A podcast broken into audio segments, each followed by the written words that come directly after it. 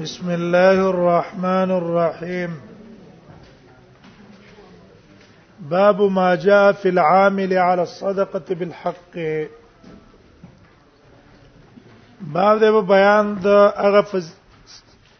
احادیثو کې چې راغله ده په اجر او ثواب د عامل په صدقه باندې بالحق په حق حاکم ته مقرر کې په زکات راټولولو او تر اولګي دي د خلکو نه دي زکات راغون کو خو انسان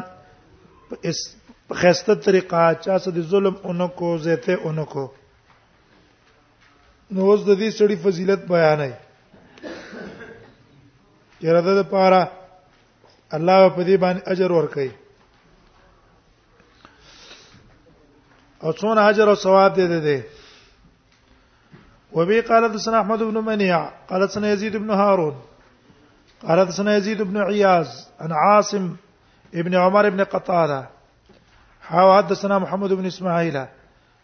قال حدثنا احمد بن خالد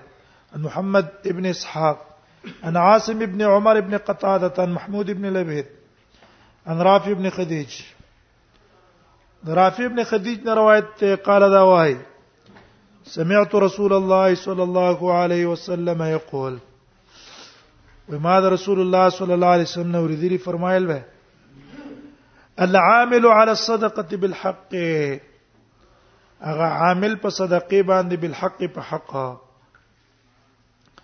یو کس ته په زکات مقرر ده او دیر لګیږي دا زکات په انصاف او په عدل باندې راغونډي چا زته ظلم نه کوي وې دا څنګه ده کل غازی فی سبیل الله دا پشان ته د غزا کون کې د الله په لار کې دا هغه چا پشان ده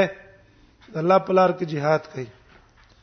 حتا يرجع الى بيتي تر دې چې را واپس شي خپل کور ته تر څو پوهې چې کور ته را واپس شوی نه دا پشان ته د چا ده پشان ته د مجاهد ده حتا يرجع الى بيته ګور در الله په دونه اجر ورکي د اجر او ثواب شو قال ابو سعيد حديث رافع ابن خديج حديث حسن او يزيد ابن عياض ضعيف عند بعض الحديث د بعض محدثین په نس ضعيف ده او حدیث د محمد ابن اسحاق اصح ده محمد ابن اسحاق چې کوم روایت نقل کړه کنه دا دویم دا صحیح ده باب فی المعتدی فی الصدقه باب بیان د جرم د هغه عامل کې چې زیته کوي په غستلو د زکات کې زکات په انسان باندې په یو مقدار کې فرض ده او ډیر لګي دا غنه زیتی واخلي یا په زکات کې تخمال واخلي نو دې عامل څونه جرم ده وبي قال سنه قتيبه بن الله حدثنا قتيبه قال سنه ليس يزيد بن ابي حبيب عن سعيد بن سنان عن انس بن مالك قال قال رسول الله صلى الله عليه وسلم انس بن مالك نے روایت ته رسول الله صلی الله علیه وسلم فرمایي المعتدي في الصدقه كمانعها وزیته کون کې په صدقه کې پشان ته د مانع دا غیره کمانه یا شانت د منکون کې د صدقې ده یتن په صدقه کې زیاته کوي دا د شو لکه چې زکات مانع ده د زکات لکه زکات معنی چې تونه ګناه ده جرم ده دا قصیدم جرم ده لکه دا معنی امام بو امام ترمذی کوي وفي الباب عن ابن عمر وام سلمة وابي هريره دين روايتنا نقل له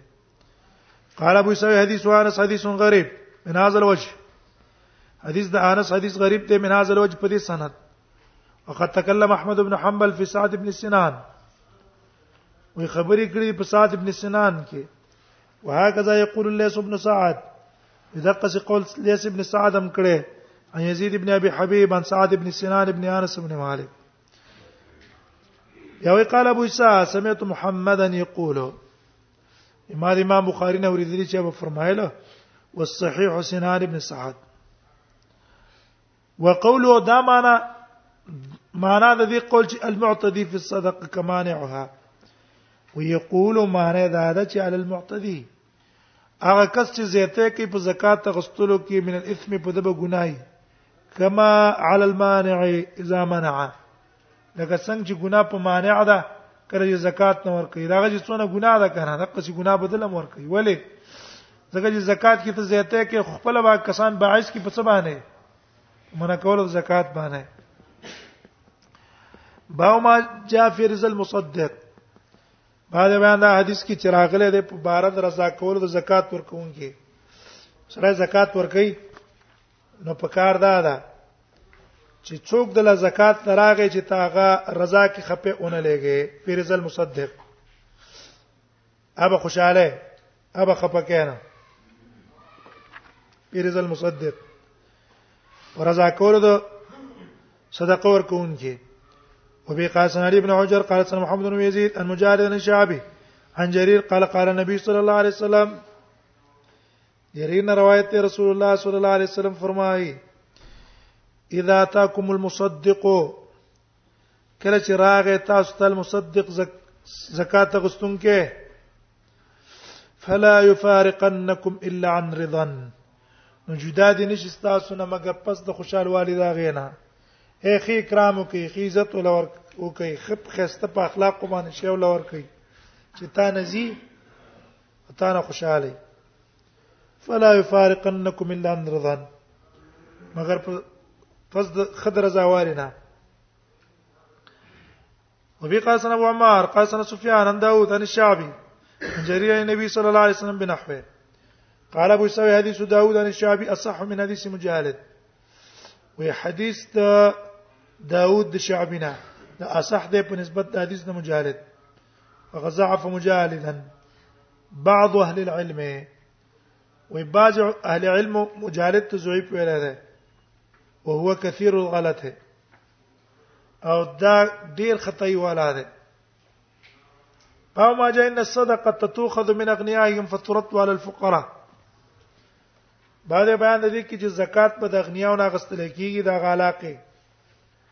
او واپس کیږي په چا باندې په فقراو باندې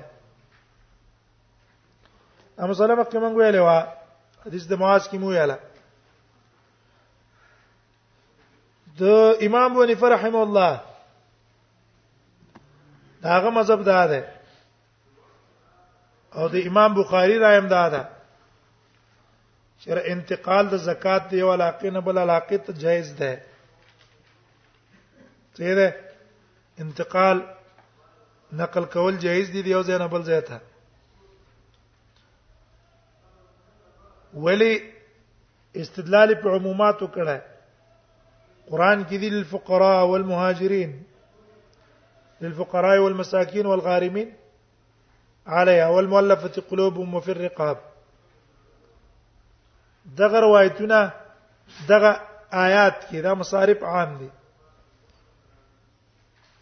دویم دی حدیث کې دی د معاذ کې تو خذ من اغنیاهم وترد فی فقراهم اغنیا کې زمير راځي د چاته مالدار د مسلمانانو ته او فقرا کې زمير د مسلمانانو ته راځي ده چې بارځه کې ارزه کې جی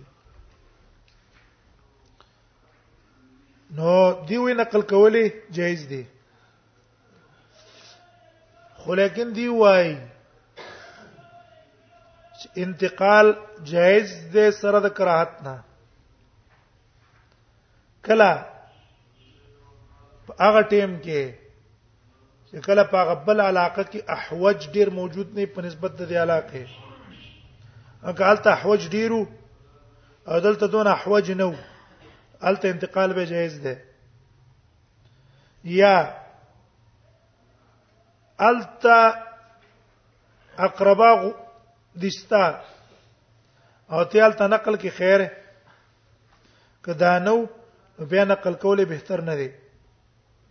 مکروه دی دلیل په همدقه عمومات شو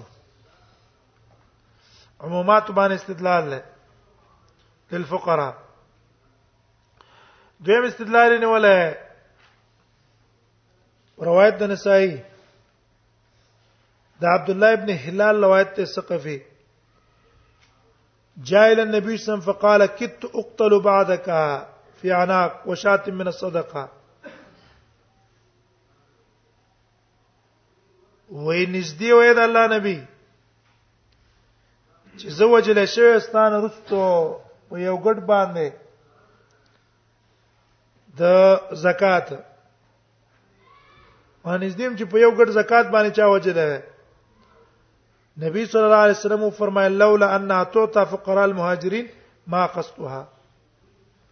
ایوه کدا زکات ما په ماجر له نور کولای کنه غریبانو ته ما بنه دام نوې غستې تفریقې به مې ګور دا استدلال دا ده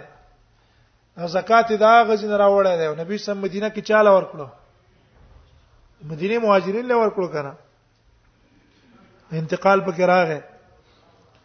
دویم استدلال امام بهقي روایت راوړی پاغي استدلال کړه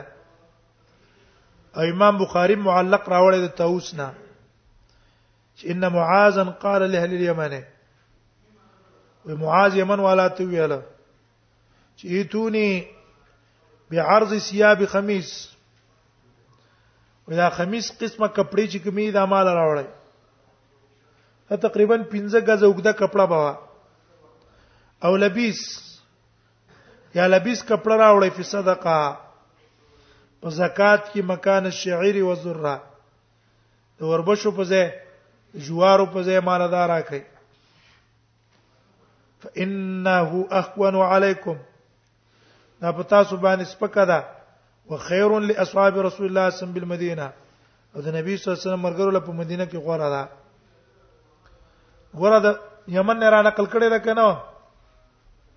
دا جامع مال را کوي په صدقه کې وربشو په مقابل کې تاسو سپکه کاری خو نبی صلی الله علیه وسلم ته غوړه ها وي په احتیاج په صورت کې څه کراهت نشته او خپل ته کې نقل کې خیر ځکه کې صله الرحم ده